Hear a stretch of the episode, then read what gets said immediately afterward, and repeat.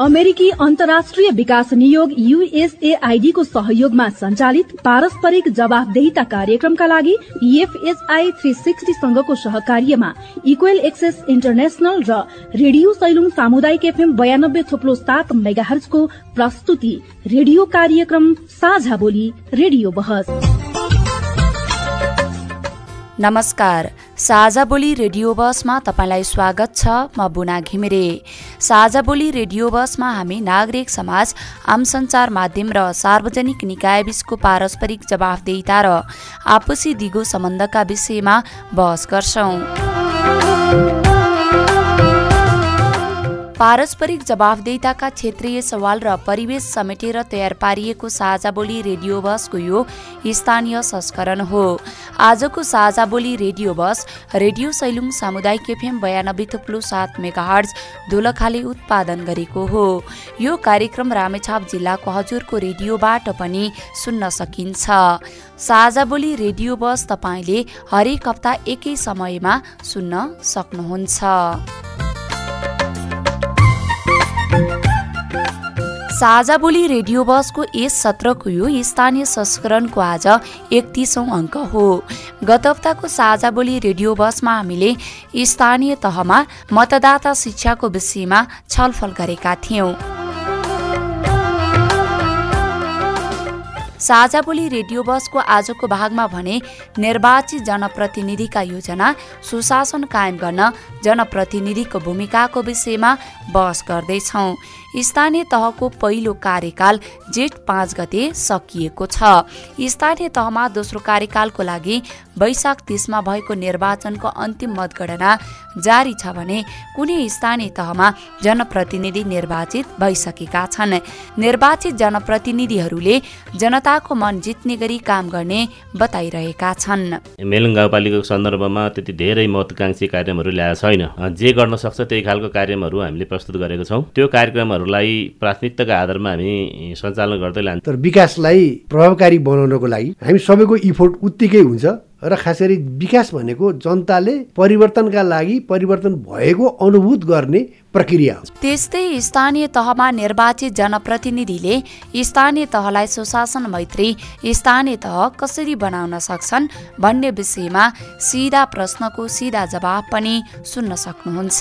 प्रत्येक दिन उहाँहरूले आफ्नो कामहरूलाई पारदर्शी गराउनु पर्यो। साथै कार्यक्रममा निर्वाचित जनप्रतिनिधिले सुशासन मैत्री स्थानीय तह किन बनाउनु पर्छ भन्ने बारेमा पनि चर्चा गर्नेछौँ। प्रत्यक्ष देख्ने काम हेर्ने काम सुन्ने काम जनतालाई हुँदैन।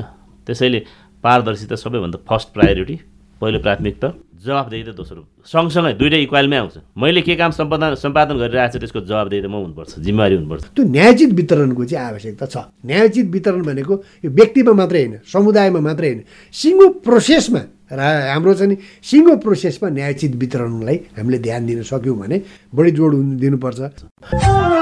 साझा बोली रेडियो बहस। अमेरिकी अन्तर्राष्ट्रिय विकास नियोग युएसएआईडी मार्फत अमेरिकी जनताहरूको सहयोगका कारण सम्भव भएको हो। यस कार्यक्रम भित्रका विषयवस्तु र सामग्री पारस्परिक जवाबदेहिता कार्यक्रमका एकल जिम्मेवारी हुन्।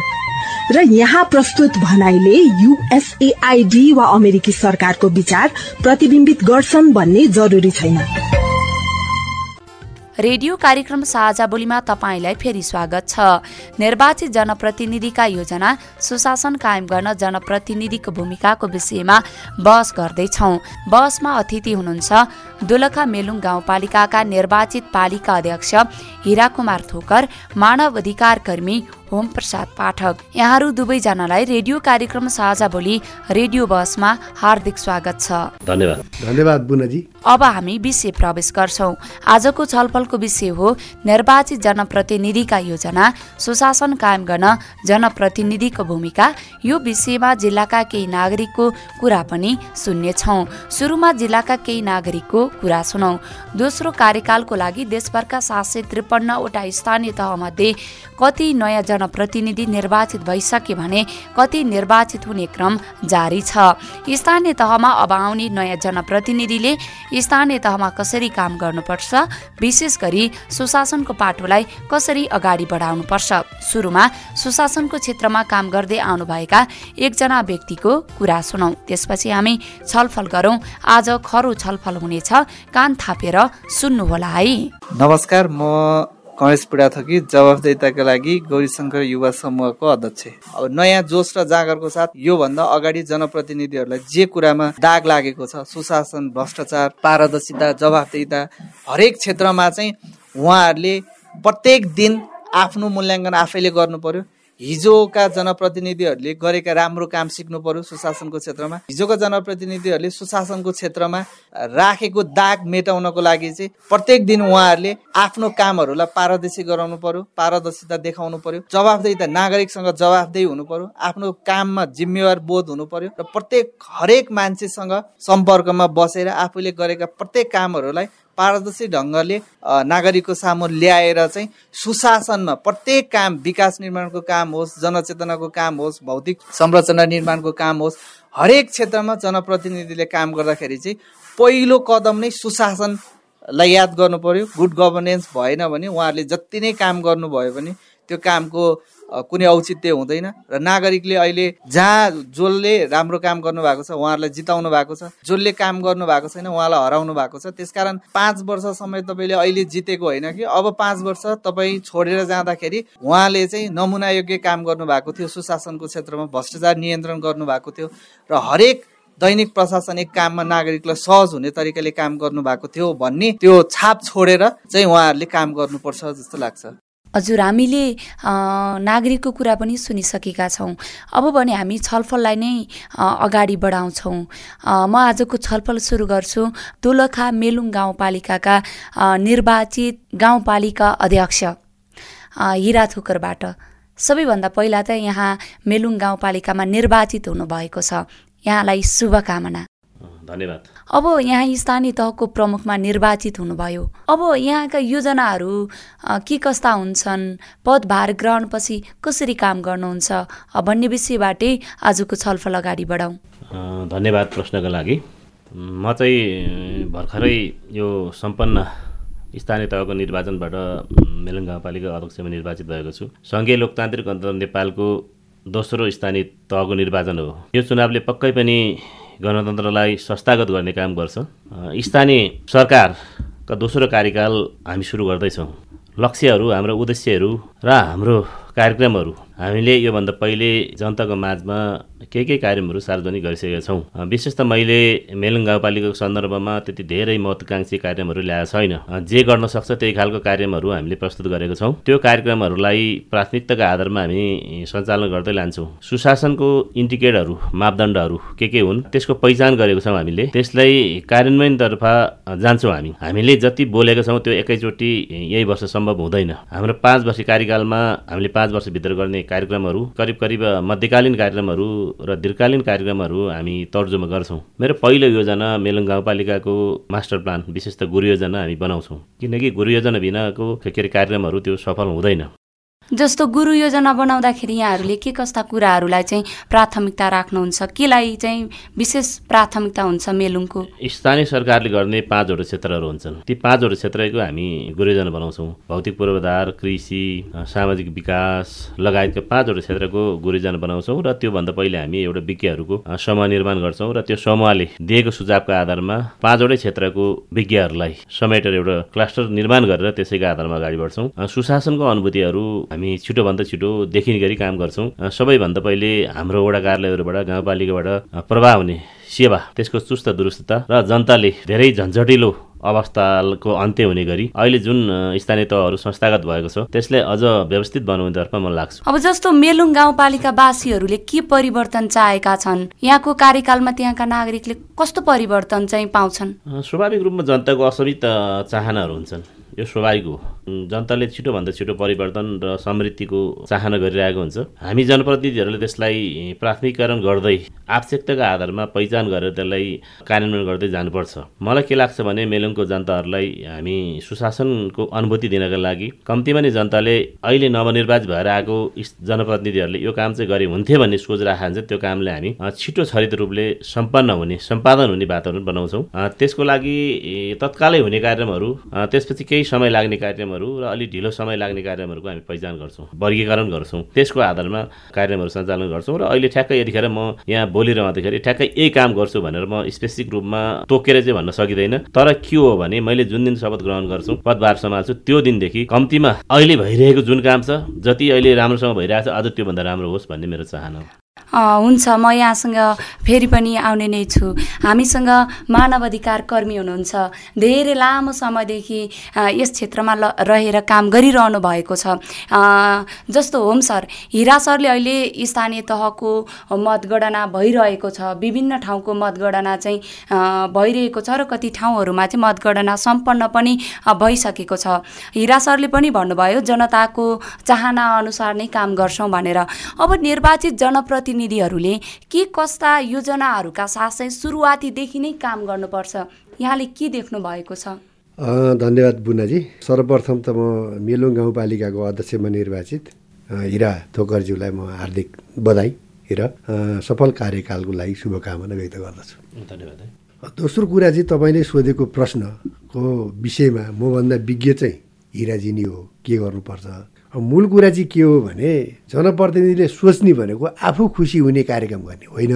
नागरिकहरू खास गरी जनताहरू खुसी हुने कार्यक्रम चाहिँ हामीले लागू गर्नुपर्छ। त्यसको लागि चाहिँ जनप्रतिनिधि अध्यक्ष एक्लै होइन सिङ्गो टिमलाई परिचालन गरेर अलिकति यो विकास भन्ने बित्तिकै हामीले धेरै मान्छेहरूले विकास विकास विकास भनिरहन्छौँ तर विकासलाई प्रभावकारी बनाउनको लागि हामी सबैको इफोर्ट उत्तिकै हुन्छ र खास गरी विकास भनेको जनताले परिवर्तनका लागि परिवर्तन भएको अनुभूत गर्ने प्रक्रिया हो। विकास भनेको त्यत्रो ठुलो कुरा होइन। यसमा कसैले भौतिक विकासको कुरा गरे हुन्छन् कसैले चाहिँ नि नदेखिने तर समाजमा परिवर्तन भइरहेको विकासका कुराहरू भइरहेको हुन्छन्। तर यी दुइटै कुरालाई हामीले हेर्दाखेरि के देखिन्छ भन्नुहुन्छ भने दोलखाको कन्टेस्टमा दुई खालका कार्यक्रमहरू गर्नुपर्छ होला। उदाहरणका लागि मेलुङ गाउँपालिकालाई आत्मनिर्भर बनाउने कार्यक्रमहरू गर्नु पर्यो।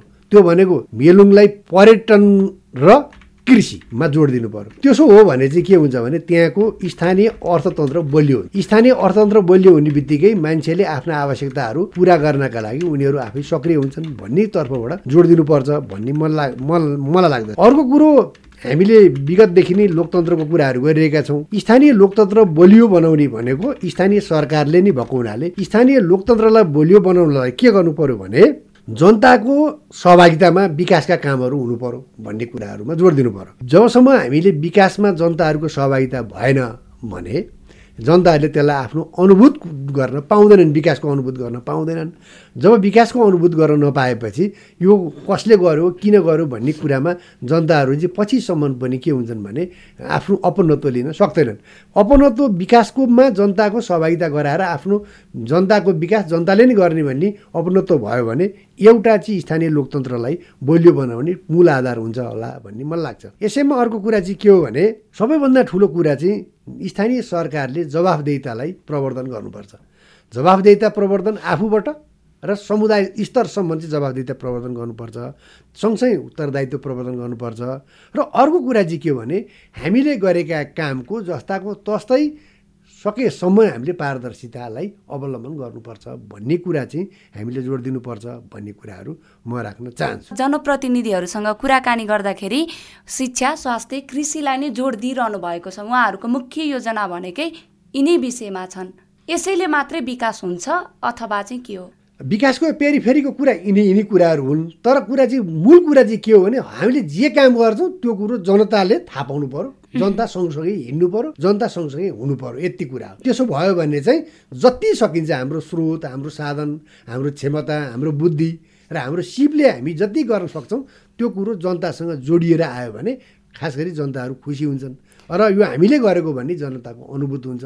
त्यो नै जनप्रतिनिधिको अहिलेको महत्त्वपूर्ण भूमिका हुन्छ अब जस्तो स्थानीय तहमा जनप्रतिनिधिहरूले कार्यभार ग्रहण गरिसकेपछि कसरी चाहिँ काम गर्यो भनेदेखि चाहिँ साँच्चीकै पारदर्शिता सुशासन कायम हुन्छ। होइन मैले सुशासनको कुरा त अघि गरिसकेँ मैले। सुशासनको लागि हामीले तिनवटा काम गर्नुपर्छ। एउटा भनेको जनसहभागितामा जोड दिनु पर्यो। सुशासनको मूल आधार भनेको जनसहभागिता त्यो भयो भने जनता आफैलाई कति बजेट आयो कति खर्च भयो उनीहरूले सबै कुरा थाहा पाउँछ सहभागिता हुने बित्तिकै। त्यसपछि चाहिँ हामीले पारदर्शिता र जवाबदेहिताको कुरालाई प्रवर्धन गर्ने र त्यसमा जोड दिने त्यो कुराको कमिटमेन्ट चाहिँ जनप्रतिनिधिले पुरा गर्नुपर्छ भन्ने कुराहरूलाई जोड दियो भने हामीले जनताले सोचेको र खोजेको कुराहरू पुरा हुन सक्छन् भन्ने कुराहरूमा हामी राख्न चाहन्छौँ। तर सँगसँगै अर्को कुरा चाहिँ के हो भने मैले अब यहाँ हिरा जी भइरहेको बेलामा। मैले के भन्नुपर्छ भने हामीले जनताहरूको गुनासो के हो? अघि हिराजीले नि भन्नुभएको थियो अघि आफै।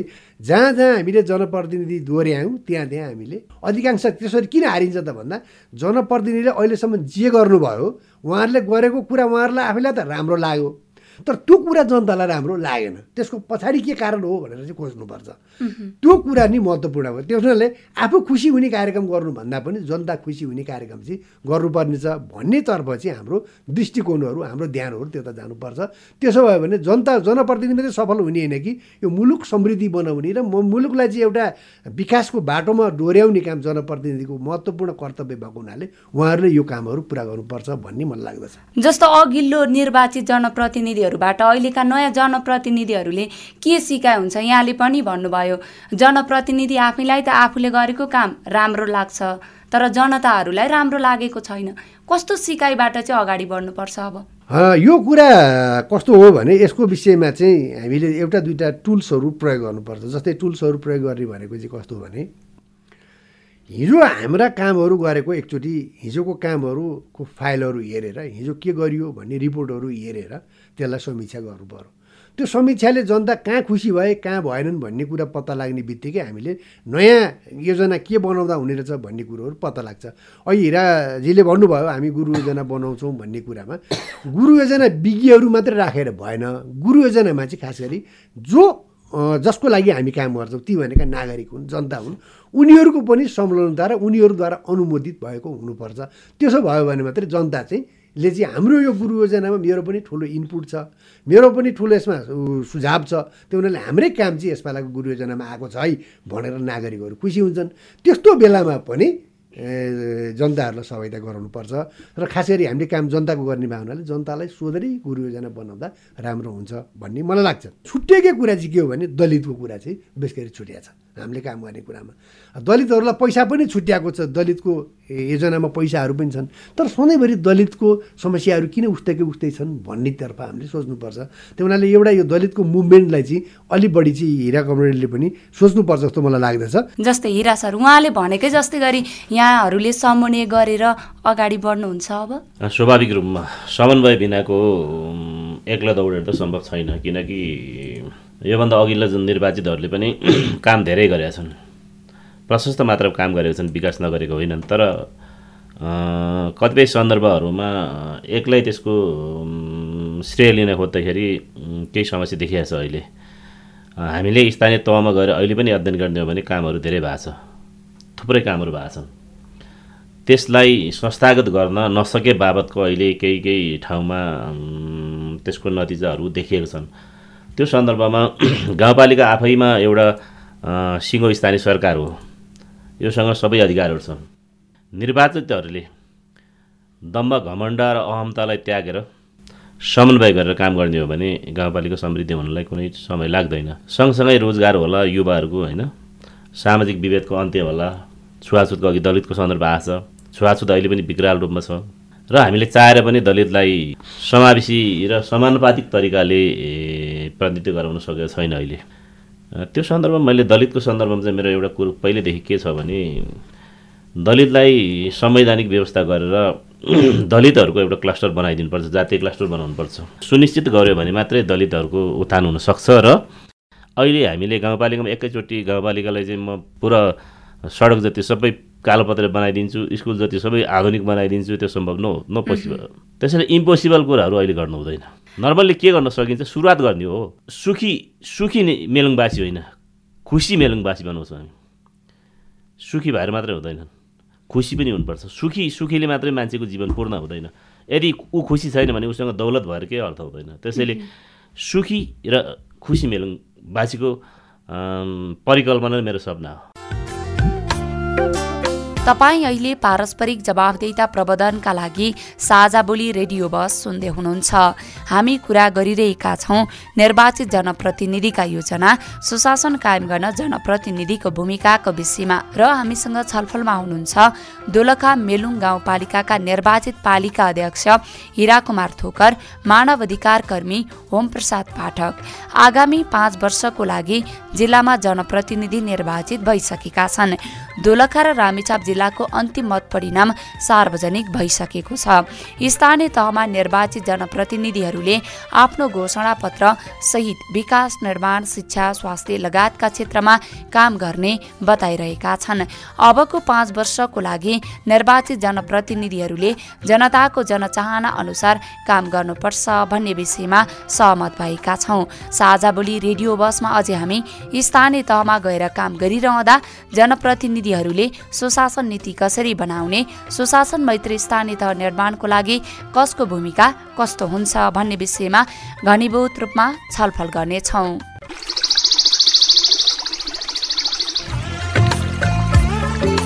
प्रश्न परिवर्तनको सुरुवात हो। जवाफ रूपान्तरणको आधार हो। प्रश्न आविष्कारको जननी हो। जवाफ सुशासनको परिणाम हो। त्यसैले प्रश्न सोधौं जवाफ खोजौं। तपाईँले हामीलाई पैसा नलाग्ने नम्बरमा फोन गरेर आफ्ना कुराहरू भन्न सक्नुहुन्छ। एनसेल प्रयोग गर्नुहुन्छ भने अन्ठानब्बे शून्य पन्ध्र एकहत्तर शून्य उन्तिसमा फोन गर्न सक्नुहुन्छ। एनटिसी प्रयोग गर्नुहुन्छ भने सोह्र साठी शून्य एक शून्य शून्य चार पाँच नौमा फोन गर्न सक्नुहुन्छ। अथवा बोली साझा at the rate Gmail dot com B O L I S A J H A at the rate dot कममा इमेल गरेर वा मेरो रिपोर्ट र साझा बोलीको फेसबुक युट्युब ट्विटर टिकटक पोस्टहरूमा सेयर लाइक वा कमेन्ट गरेर पनि आफ्ना कुराहरू भन्नु सक्नुहुन्छ। पारस्परिक जवाफदेहिताका लागि प्रश्न सोधौं जवाफ खोजौं। साझा बोली रेडियो बहस। रेडियो कार्यक्रम साझा बोलीमा तपाईँ अहिले निर्वाचित जनप्रतिनिधिका योजना सुशासन कायम गर्न जनप्रतिनिधिको भूमिकाको विषयमा सवाल जवाब सुन्दै हुनुहुन्छ। बसमा अतिथि हुनुहुन्छ दोलखा मेलुङ गाउँपालिकाका निर्वाचित पालिका अध्यक्ष हिरा कुमार थोकर मानव अधिकार कर्मी होम प्रसाद पाठक। यतिन्जेल हामीले पाँच वर्षको लागि स्थानीय तहमा निर्वाचित जनप्रतिनिधिहरूले कसरी काम गर्नुपर्छ योजनाहरू के कस्ता छन् भन्ने विषयमा बहस गऱ्यौँ म फेरि पनि छलफललाई नै निरन्तरता दिन्छु। यहाँहरू भर्खरै निर्वाचित पनि हुनुभएको छ। यहाँहरूका योजनाहरू पनि धेरै नै छन्। बनाउने तयारीमा पनि हुनुहुन्छ। खास गरी सुशासन भन्ने बित्तिकै चाहिँ कसरी बुझ्न सकिन्छ? के हो सुशासन? होम सर। सजिलो छ नि सुशासन भनेको दुईवटा तरिकाले हेर्नुपर्छ होला। एउटा तरिका भनेको कसो हो भने आर्थिक कुरालाई जोडेर हेर्नु पर्यो। आफूले दिने शासन चाहिँ जनमैत्री हुनु पऱ्यो एउटा सुशासनको मूल कुरा त्यति हो। जनमैत्री हुनु पऱ्यो यसमा लामो व्याख्या गर्दाखेरि धेरै लामो कुराहरू आउँछन्। र छोटकरीमा भन्दा जनमैत्री हुनु पऱ्यो भनेको जनताले अनुभूत गरेर थाहा पाउने गरी हाम्रा कामहरू भइरहेका छन् है भनेर थाहा पाउनु पऱ्यो एउटा प्रक्रियामा। हामीले जे जति खर्च गर्छौँ ती खर्च चाहिँ कानुन रूपमा त्यसपछि चाहिँ नि नीतिगत रूपमा र हामीले जनताले ठहराएको बुझेको अनुसार हिसाब किताब हामीले आयो भने त्यो चाहिँ हामीले दुइटा हिसाबले सुशासनको कुरा हेर्छौँ। अरू कुरा हामी स्वयं सेल्फ भनौँ न हामी जनप्रतिनिधि स्वयं सेल्फ हामी चाहिँ के गरौँ भने हामी आफू चाहिँ त्यसमा कमिटमेन्ट गरौँ प्रतिबद्ध रह्यौँ भने पनि सुशासनका धेरै कुराहरू अन्त्य हुन सक्छन्। जस्तो चाहिँ त्यसमा जोड दिनुपर्ने कुरा के हो भने मोनिटरिङ। हाम्रोमा मोनिटरिङ प्रणाली साह्रो पितलो छ। जनप्रतिनिधिहरूले नि त्यसमा चाहिँ ध्यान दिनु पर्यो। मोनिटरिङ हाम्रो कमजोर छ। मोनिटरिङमा के हुनु पर्यो भने यसमा थर्ड पार्टी सिस्टम पनि छ मोनिटरिङ गर्ने भनेको अनुगमन गर्ने। अनुगमन गर्ने थर्ड पार्टी सिस्टम पनि छ। त्यो भन्दा पनि जनप्रतिनिधि स्वयं आफैले मोनिटरिङ गरेर जे गर्न खोजिएको त्यो पुरा भयो कि भएन। जे बनाउन खोजेको त्यो भयो कि भएन भन्नेमा जोड दिएर आफैले अनुगमन गर्नुभयो भने चाहिँ धेरै प्रभावकारी हुन्छ भन्ने मलाई लाग्छ।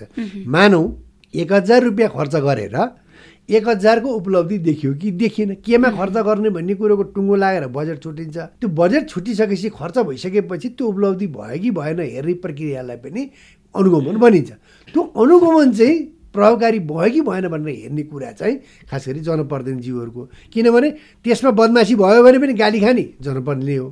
त्यसमा राम्रो भयो भने स्याबासी खाने पनि जनप्रतिनिधि हुनाले जनप्रतिनिधिज्यूहरूले चाहिँ के गर्नु पऱ्यो भने त्यो मोनिटरिङ अथवा अनुगमनको प्रक्रियालाई चुस्त दुस्त र एकदम सिस्टमेटिकमा ल्याउनुपर्छ अहिलेसम्म हाम्रो कमजोर भएको सुशासनमा कमजोर देखिएको भने मोनिटरिङमा हामी कमजोर छौँ।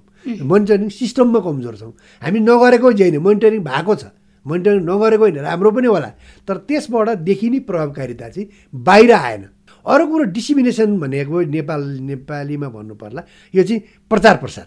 प्रचार प्रसारमा हाम्रो चाहिँ के छ भने कमजोर छ हरेक गाउँपालिकाहरूमा। हजुर जस्तो होम सरले नि भन्नुभयो स्थानीय तहमा सुशासन कायम भयो भनेदेखि राम्रो हुन्छ भनेर। अब यहाँ भर्खरै निर्वाचित हुनुभएको छ पालिकालाई कसरी सुशासन मैत्री बनाउनुहुन्छ? सुशासन नै पहिलो प्राथमिकता हो मेरो। सुशासनको खास अर्थ ठ्याक्कै भन्नुपर्दा पारदर्शिता र जवाबदेही। यो दुईवटा मूल मात्र हुन्। सँगसँगै अनुगमन र सार्वजनिक सुनाइ पब्लिक हियरिङ यी चार कुरा चाहिँ पालिकाले अप्नायो भने करिब करिब त्यहाँ धेरै टिकट पनि हुँदैन। अब हामीले जब पारदर्शितालाई लुगाउँछौँ र जवाबदेहीबाट पन्सिन्छ नि त्यहाँ केही न केही छ भनेर बुझ्नुपर्छ। किनकि स्थानीय सरकार त्यस्तो सरकार हो जहाँ जनताले प्रत्यक्ष देख्न सुन्न र हेर्न सकिन्छ। भेट्न सकिन्छ। सबैभन्दा पहिले छुन सक्ने देख्न सक्ने सरकार नै स्थानीय सरकार हो। र जसले जनमतबाट विजय गरेको छ उसले गरेका कामको प्रत्यक्ष देख्ने काम हेर्ने काम सुन्ने काम जनतालाई हुँदैन। त्यसैले पारदर्शिता सबैभन्दा फर्स्ट प्रायोरिटी पहिलो प्राथमिकता जवाबदेही त दोस्रो। सँगसँगै दुइटै इक्वालमै आउँछ। मैले के काम सम्पादन सम्पादन गरिरहेको छु त्यसको जवाबदेही त म हुनुपर्छ जिम्मेवारी हुनुपर्छ। पारदर्शिता पनि हुनु पऱ्यो दुनियाँले थाहा पाउनु पऱ्यो समस्या आउँदाखेरि सोधेको प्रश्नहरूको जवाब दिन म तयार हुनु पऱ्यो जनताको कठघरमा उभिन म तयार हुनु पऱ्यो त्यो जुनसुकै क्षेत्रको होस्। जस्तो अब यहाँ त वडा अध्यक्ष भएर पनि काम गरिसक्नु भएको छ। हजुर। पहिलाको यहाँ वडा अध्यक्ष भइरहँदाखेरि र अब पालिकामा प्रमुख अध्यक्ष भएर काम गरिरहँदाखेरि चाहिँ फरक ढङ्गले चाहिँ सुशासन कायम हुन्छ भन्ने हो अब त्यसो भएदेखि। वडा कार्यालयहरू सेवा केन्द्र हुन्। सेवा प्रवाह प्रवाह हुन्छ यसले। हिजो मैले मागेको बजेटबाट काम गर्नु पर्थ्यो भने आज आफैले निर्णय गरेको बजेटबाट काम गराउनुपर्छ त्यसैले हिजो म माग्नको लागि जान्थेँ। आजमा माग्न आउनेले दिने हो। यसको अर्थ फेरि मैले दान दिने होइन। तर मेरो सोच के हो भने म माग्न आउनेले बजेट दिन्न। माग्न आउनेले दिने हो। आवश्यकताको आधारमा बजेट विनियोजन हुन्छ आवश्यकता के हो त्यहाँ तल? अहिलेसम्म हामीले के गर्यौँ भने माथिबाट चाहिँ ल पाँच लाख रुपियाँ लैजाऊ काम गर भन्यो। अब यसको अन्त्य हुन्छ। हिजो सडकको आवश्यकता थियो होला खानेपानी पैसा छुट्यायो। या खानेपानीको आवश्यकता थियो होला अथवा थिएन होला सडकमा पैसा छुट्याउँ। अब समुदायमा गएर समुदायबाट योजना छनौट हुन्छ कलेक्सन हुन्छ हजारौँ योजना होला त्यसलाई प्राथमिकीकरण गरिन्छ। त्यसले प्राथमिकीकरण गरेर प्राथमिकताको आधारमा बजेट विनियोजन हुन्छ अब खुद्र विकास हुँदैन सिधा कुरो खुद्र विकास हुँदैन। अरू बरु अर्कोपल्ट चुनाव हार्न तयार हुन्छ तर खुद्र विकास हुँदैन। जस्तो अब पाँच लाख चार लाखको विकास हुँदैन। अब आप्स ठिक छ कहिले काहीँ चाहिँ नि दुईवटा धारा बनाउनु पर्ला अथवा एउटा सानो ट्याङ्की बनाउनु पर्ला त्यो छुट्टै कुरो। त्यो वडा कार्यालय गर्ने काम हो त्यो। त्यो वडा कार्यालय काम हो। अब पचास अब ट्र्याक खोल्नुपर्ने आवश्यकता छैन मेलुङ गाउँपालिकामा अब स्तर उन्नति हो। काम एउटा गरिन्छ राम्रो गरिन्छ। जस्तो मैले अलिकति सुशासनकै कुरा गर्न खोजेँ यहाँको वडा अध्यक्ष भएर काम गरिरहँदाखेरिको अनुभव पनि छ। यो सुशासन कार्यान्वयन गर्नको लागि चुनौती चाहिँ के रहेछ? के भन्छ यहाँको अनुभवले? ती चुनौतीहरूलाई कसरी चुनौती बिना त अवसर आउँदै आउँदैन नि। चुनौती चाहिँ अवसरको ढोका हो कि सुरुवात हो। जब चुनौती आउँछ नि समस्या समस्या समाधान आउँछ नि त। समस्या समाधान बिनाको समस्या हुन्छ दुनियाँमा। एउटा मात्रै समाधान छैन मृत्युको मात्रै समाधान छैन। स्वत मृत्यु हुन्छ त्यो। तर यदि रोग लागेको छ भने त्यसको समाधान त हुन्छ नि। हुँदैन। त्यसैले चुनौती हजारौँ हुन सक्ला। अवसर पनि हजारौँ छ सहज आफूले बनाउने हो। चुनौतीहरूको सामना गर्दाखेरि कुन चुनौतीले पहिले समाधान गर्नुपर्छ पहिचान गर्ने हो। चुनौती हरेक हरेक क्षेत्रमा छ। सुशासनमा चुनौती छ। शान्ति सुशासनभित्रकै इन्डिकेटर शान्ति सुरक्षामा समस्या चुनौती छ। अहिलेको चुनौती शान्ति सुरक्षा हो। युवा पलायन दुर्व्यसनी लागु औषध डरलाग्दो समस्या अहिले। वैदेशिक रोजगार अर्को डरलाग्दो समस्या। अनि युवाहरू विदेश पलायन शिक्षित अशिक्षित दुइटै खालको युवाहरू विदेश पलायन अर्को डरलाग्दो समस्या। गाउँहरू रीतितै छ अहिले। युवाविहीन हुँदैछ। हामी चुनाव जित्यौँ स्थानीय सरकार हामीले जित्यौँ भनेर घमण्ड गरिरह त दम्ब दिइरह त अनि सगरमाथाको चुचुरोभन्दा माथि पुग्यो भनेर फुर्ती लगाइरहँदाखेरि गाउँमा युवा रित्तिएको छ अहिले। यति धेरै ठुलो समस्या छ त्यो युवालाई गाउँमा कसरी फर्काउने? तपाईँ रोजगार मात्रै दिएर गाउँमा युवा बस्दैनन्। गाउँमा युवा बस्नका लागि शिक्षामा गुणस्तर ल्याउनै पर्छ। पहिलो प्राथमिकता शिक्षा हो स्वास्थ्य हो। शिक्षा र स्वास्थ्य सर्वसुलभ र गुणस्तरीय हुनसाथ गाउँमा युवा बस्छन् जब शिक्षा गुणस्तरीय हुँदैन गुणस्तरीय शिक्षामा शिक्षाको लागि युवाहरू सहर सहर पुग्छन्। त्यसैले शिक्षा अहिलेको चुनौती हो सबैभन्दा ठुलो चुनौती पहिलो चुनौती युवा के अरे शिक्षा हो। हो पूर्वाधार एउटा भौतिक पूर्वाधारको पाटो त आफ्नो ठाउँमा होला। त्यसैले मैले अघि भने धेरै कुराहरूमा मेरो धेरै ठुलो लक्ष्य छैन मतलब योजनाहरू छैन। मैले भने सहज यातायात गुण गुणस्तरीय शिक्षा सुलभ स्वास्थ्य। अनि सामान्यत न्यूनतम रोजगार। अनि सामाजिक विभेदको अन्त्यको लागि का कानुनको कार्यान्वयन ठिक। यी चार पाँचवटा कुरालाई ध्यान दियो भने करिब करिब करिब करिब गाउँपालिका सहज तरिकाले अगाडि बढ्छन्। जस्तो होम सर अब पालिकाहरूले सुशासन कायम गरिरहँदाखेरि अहिलेसम्म गरेका प्रयासहरू चाहिँ कतिको पर्याप्त छन्? हिजोको सिकाइ हिजोको सिकाइले हामीले हेर्ने हो भने के देखिन्छ भने काम गर्न नखोजेको होइन। काम गर्न खोजेको। तर काम गर्ने प्रक्रियाहरूमा हाम्रा कहीँ त्रुटि भयो कि भनेर हाम्रो समीक्षा नभएको। समस्या चाहिँ त्यहाँनिर हो। काम गर्ने प्रक्रियामा हाम्रो काहीँ समस्या आयो कि भनेर हामीले समीक्षा गरेको भए हामीले त्यो कुराहरू पत्ता लगाउँथ्यौँ र हामीले थप क्षति हुन अथवा अझ नयाँ सिकेर नयाँ ढङ्गले गर्न हामी जान्दथ्यौँ हुँदथ्यो। हाम्रो समीक्षा मैले भने समीक्षा अनुगमन प्रणाली चाहिँ हाम्रो कमजोर भएको कारणले सुशासनमा त्रुटि देखिएको हो भने यो त्रुटि देखिया हाम्रो। ठुलो समस्या छैन होला भन्छु म पनि। तर काहीँ ठुला समस्याहरू पनि छन्। त्यो बहुलै आलोचनात्मक ठुलो समस्याहरू छन्। आलोचना गर्न लायक समस्याहरू पनि छन् नभएको होइन। तर त्यसको लागि चाहिँ म हिरा सरलाई एउटा कुरो के अनुरोध गर्न चाहन्छु भने म दुई तिनवटा कुरो अनुरोध गर्नु चाहिँ एउटा चाहिँ तपाईँका जनप्रतिनिधिहरूलाई खास गरी डेभलपमेन्टको अहिले तपाईँले भने जस्तै सामाजिक विभेदको विषयमा यस्तो खालको चाहिँ राम्रो खालको पर्फेक्ट कोचिङ। तालिम। तालिम भनौँ या कोचिङ भनौँ होइन हामी जनप्रतिनिधि भएपछि सबै विज्ञ छौँ भन्ने बुझाइ हुन्छ। तर सबै जनप्रतिनिधि केही न केहीमा विज्ञ त होलान्। तर हाम्रो विकासको प्रभावमा जाँदाखेरि चाहिँ सरकार भन्ने बित्तिकै सरकारका त हजारौँ आयामहरू छन्। ती आयामहरूको बारेमा कम्तीमा हामीले उनीहरूलाई बुझाउन सक्यौँ भने हामी उनीहरूले आफ्नो काम गर्ने बाटोमा ज्ञान हुन्थ्यो कि थाहा पाउँथ्यो कि भन्ने एउटा कुरा। अर्को नभएकै कुरा चाहिँ के हो भने हाम्रा वेबसाइटहरू। सरकारले चलाएका वेबसाइटहरूमा रिपोर्टहरू हुन्नन् कि आइरहेछन् के काम गर्ने पनि अपडेट हुँदैन। न आर्थिक कुराको अपडेट हुन्छ न तपाईँको सामाजिक योगदानका कुराहरूको त्यहाँ योगदान योगदान के अरे अपडेट हुन्छ न तपाईँको चाहिँ विकास हामीले के गर्दैछौँ र अब के गर्न खोज्यौँ भन्ने कुराको त्यहाँ अपडेट हुन्छ। अहिलेको संसार दुनियाँमा हाम्रा मान्छेहरू हाम्रो नागरिकहरू अमेरिकाको बारेमा जान्ने छन् युरोपको बारेमा जान्ने छन् कम्तीमा काहीँ नजाने मलेसियाको बारेमा जान्ने छन् त। अनि मलेसिया चाहिँ कम विकसित देश त होइन नि। त्यहाँको बारेमा जान्ने मान्छेहरूले आफ्नोमा पनि के खोज्छन् भने त्यही मलेसिया बनोस् त्यही अरब बनोस् त्यही अमेरिका बनोस् भन्ने खोज्छन्। र त्यो सोच र त्यो चेतनाले चाहिँ हामीलाई यहाँ हामी यहाँ त्यो चुनौती हामीले भोग्नुपर्छ यहाँको जनपदले। हो त्यसका लागि न्यूनतम आधारभूत कुराहरू चाहिँ पुरा गर्नको लागि जनप्रतिनिधिहरूले पनि अथवा स्थानीय सरकारले चाहिँ त्यस्ता योजनाहरू बनाओस् ताकि उनीहरूको चाहनालाई पनि सजिलो गरी रिफ्लेक्ट हुने हेर्न सक्ने बनोस् भन्ने कुराहरू हो एउटा। अहिले उहाँले भन्नुभयो म न्यायोचित वितरण प्रणाली गर्छु भन्नुभयो। त्यो न्यायोचित वितरणको चाहिँ आवश्यकता छ। न्यायोचित वितरण भनेको यो व्यक्तिमा मात्रै होइन समुदायमा मात्रै होइन। सिङ्गो प्रोसेसमा हाम्रो चाहिँ नि सिङ्गो प्रोसेसमा न्यायोचित वितरणलाई हामीले ध्यान दिन सक्यौँ भने बढी जोड दिनुपर्छ। हामीले बुझ्नुपर्ने एउटा महत्त्वपूर्ण कुरा चाहिँ के छ भने हाम्रो सोचाइहरू कम्तीमा ऐनामा हेर्दा आफूलाई पनि रिफ्लेक्ट गरेर हेर्ने हामी आलोचनात्मक रूपमा हामी काहीँ कमजोरी छौँ कि भन्ने। गभर्नेन्सको विषयमा त तपाईँले चाहिँ सुशासनलाई धेरै जोड दिनुभएको छ। सुशासन भनेको चाहिँ यो सेल्फ कार्यान्वयन गर्ने कुरा हो। भ्रष्टाचार म गर्दिनँ भन्ने मनबाटै आयो भने त भ्रष्टाचार भन नि। जनप्रतिनिधि आफै चाहिँ अलिअलि मासु न भन्नु थाल्यो भने त कर्मचारीलाई पनि चान्स हुन्छ। ए अलिकति मासु न भने। अर्कोलाई चान्स हुन्छ। साझा बोली रेडियो बसमा अहिले हामी कुरा गरिरहेका छौँ।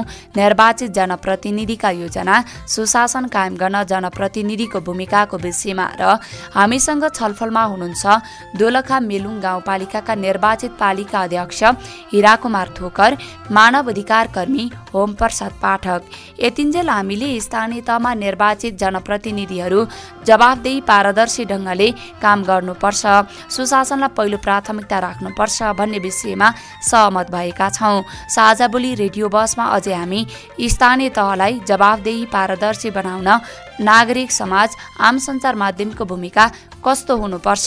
स्थानीय तहले कसरी सहकारी गर्ने भन्ने विषयमा घनीभूत रूपमा छलफल गर्नेछौँ। साथै आज हामी सुशासन मैत्री स्थानीय तह बनाउनको लागि जनप्रतिनिधिको भूमिका कस्तो हुन्छ भन्ने निचोडमा पुग्नेछौँ। साझा बोली रेडियो बस सुन्दै गर्नुहोला।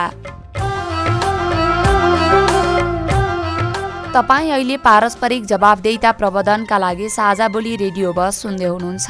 आज हामी निर्वाचित जनप्रतिनिधिका योजना सुशासन कायम गर्न जनप्रतिनिधिको भूमिकाको विषयमा सवाल जवाब गरिरहेका छौँ। छलफलको लागि आज हामीसँग हुनुहुन्छ दोलखा मेलुङ गाउँपालिकाका निर्वाचित पालिका अध्यक्ष हिरा कुमार थोकर र मानव अधिकार कर्मी होम प्रसाद पाठक। स्थानीय तहमा निर्वाचित जनप्रतिनिधिहरूले अब स्थानीय तहमा कसरी काम गर्नुपर्छ? स्थानीय तहलाई जवाबदेही पारदर्शी कसरी कायम गर्ने लगायतको बारेमा छलफल गर्यौँ। म फेरि पनि छलफललाई नै निरन्तरता दिन्छु। अब जस्तो यसमा नागरिक समाज आम सञ्चार माध्यमको पनि त भूमिका रहन्छ। भूमिका छ। अब यहाँ धेरै कुरा के के आउँछ भने नागरिक समाजको चाहिँ के आलोचनात्मक दृष्टिकोणले नागरिक समाजहरू धेरै फरवार्ड छन्। त्यसलाई पोजिटिभ सहयोग गर्ने दृष्टिकोणले नागरिक समाजहरू कमजोर देख्छु म चाहिँ। गाली गर्न सिपालु हामीले गाली गर्ने मात्रै होइन कि हाम्रो तर्फबाट राज्यलाई पुर्याउनु पर्ने योगदानहरू के हो? हामी त्यसमा चाहिँ अग्रसर हुनुपर्छ। राज्यले के बुझ्नुपर्छ भने क्षमता भएका धेरै मान्छेहरू छन् र तिनलाई पनि उपयोग गरेर सही बाटोमा हामीले उनीहरूलाई काम पनि दिनुपर्छ है सही ठाउँमा भनेर राज्यले पनि बुझ्नुपर्छ अथवा स्थानीय सरकारले पनि बुझ्नुपर्छ। यो दुइटै कुरा हो। अर्को मिडियाको कुरा के छ भने मिडियाले चाहिँ के गर्नु पर्यो डिसिमिनेसन भनेको चाहिँ गाली गर्ने हिसाबले अथवा आलोचना गर्ने हिसाबले मात्रै होइन कि पोजिटिभनेस त्यसो गरेको भए चाहिँ के हुन्थ्यो त? भनेर खालको मिडियाले पनि नयाँ कुरा ल्याउनु पर्यो सुझावका कुराहरू आउनु पर्यो। आलोचनात्मक दिँदा पनि त्यो के भन्छ त्यसलाई चाहिँ नि कङ्क्रिट कङ्क्रिट आलोचनाहरू ठोस आलोचना रचनात्मक आलोचनाहरू गर्नु पर्यो। भ्रष्टाचार गरेको हुनसक्छ के हुनसक्छ के हुनसक्छ? त्यसलाई चाहिँ सरकारले अब यसरी त्यो नियन्त्रणमा लिनु पऱ्यो भन्यो भने चाहिँ हुनसक्छ त्यसका लागि राज्य चाहियो। अब हिराजीले भन्नुभयो गभ गैर सरकारी क्षेत्र। गैर सरकारी क्षेत्रसँग पर्याप्त पैसा हुँदैन।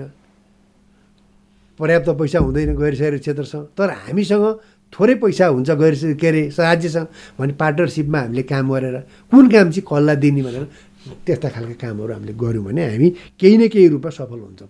केही न केही तर हामीले यो उल्का पात गर्छौँ भनेर चाहिँ हिराजीले पनि भन्नुभएको छैन भन्नुहुन्न। त्यो हामीले भन्ने पनि होइन किनभने यो चेन्जको प्रक्रिया हो। चेन्ज भनेको अमेरिकामा पनि चेन्ज खोज्छ मान्छेले। अमेरिका जस्तो विकसित देशमा चेन्ज खोज्छ युरोप जस्तो विकासमा देशमा चेन्ज खोज्छ। अनि यहाँ चेन्ज खोज्दैन र मान्छेले खोज्छ नि। हो चेन्ज जहिले पनि भइराख्ने भए हुनाले पर्फेक्ट हुँदैन।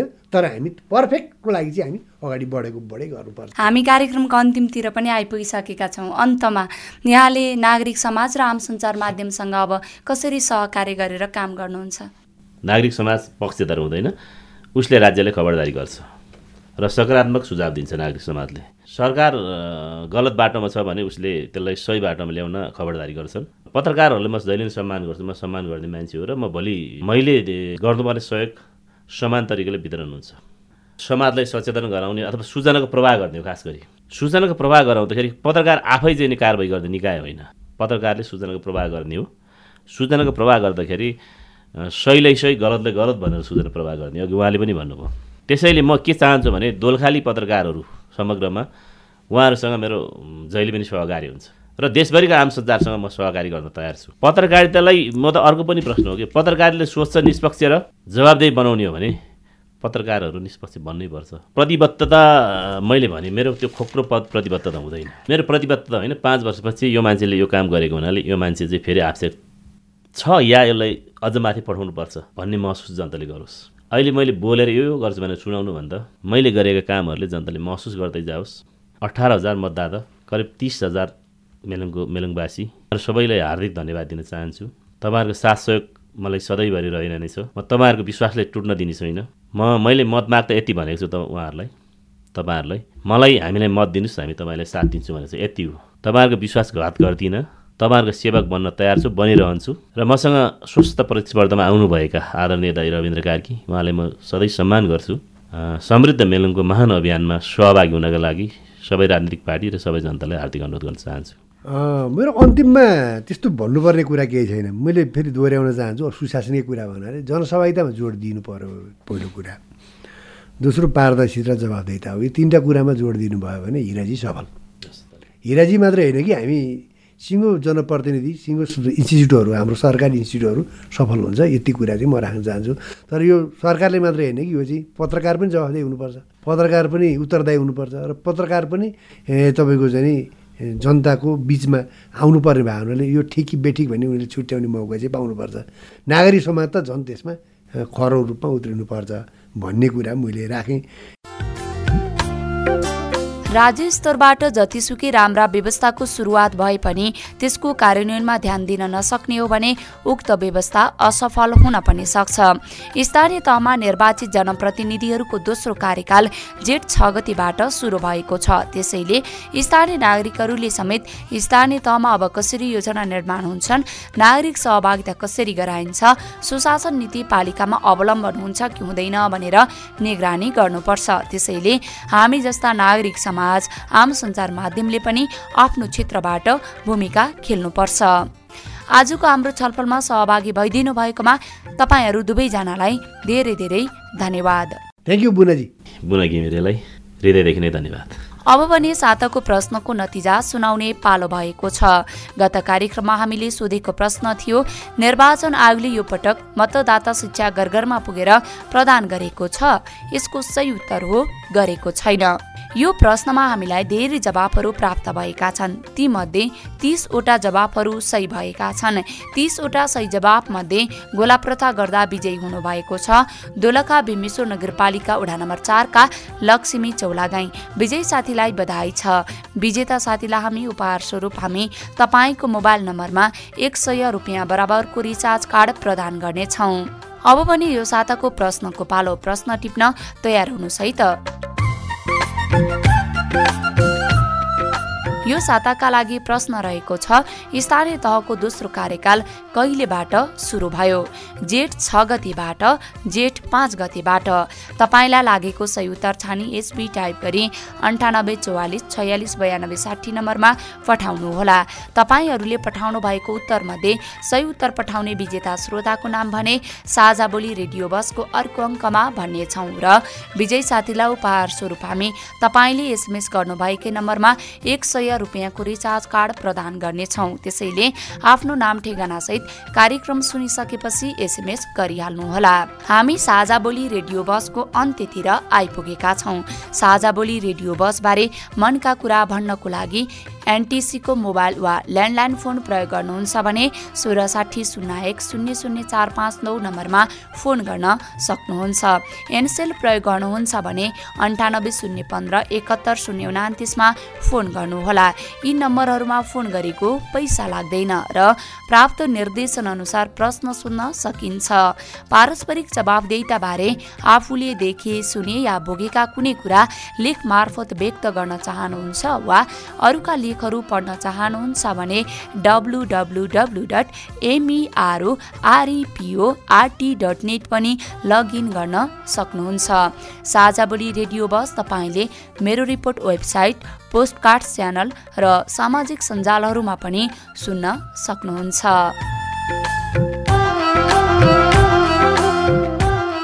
हवस् त। आजको साझा बोली रेडियो बसबाट अब बिदा हुने बेला भयो। आज हामीले निर्वाचित जनप्रतिनिधिका योजना सुशासन कायम गर्न जनप्रतिनिधिको भूमिकाको विषयमा खरो कुराकानी गर्यौं स्थानीय तहमा दोस्रो कार्यकालका लागि जनप्रतिनिधिहरू चुनिसकेका छन्।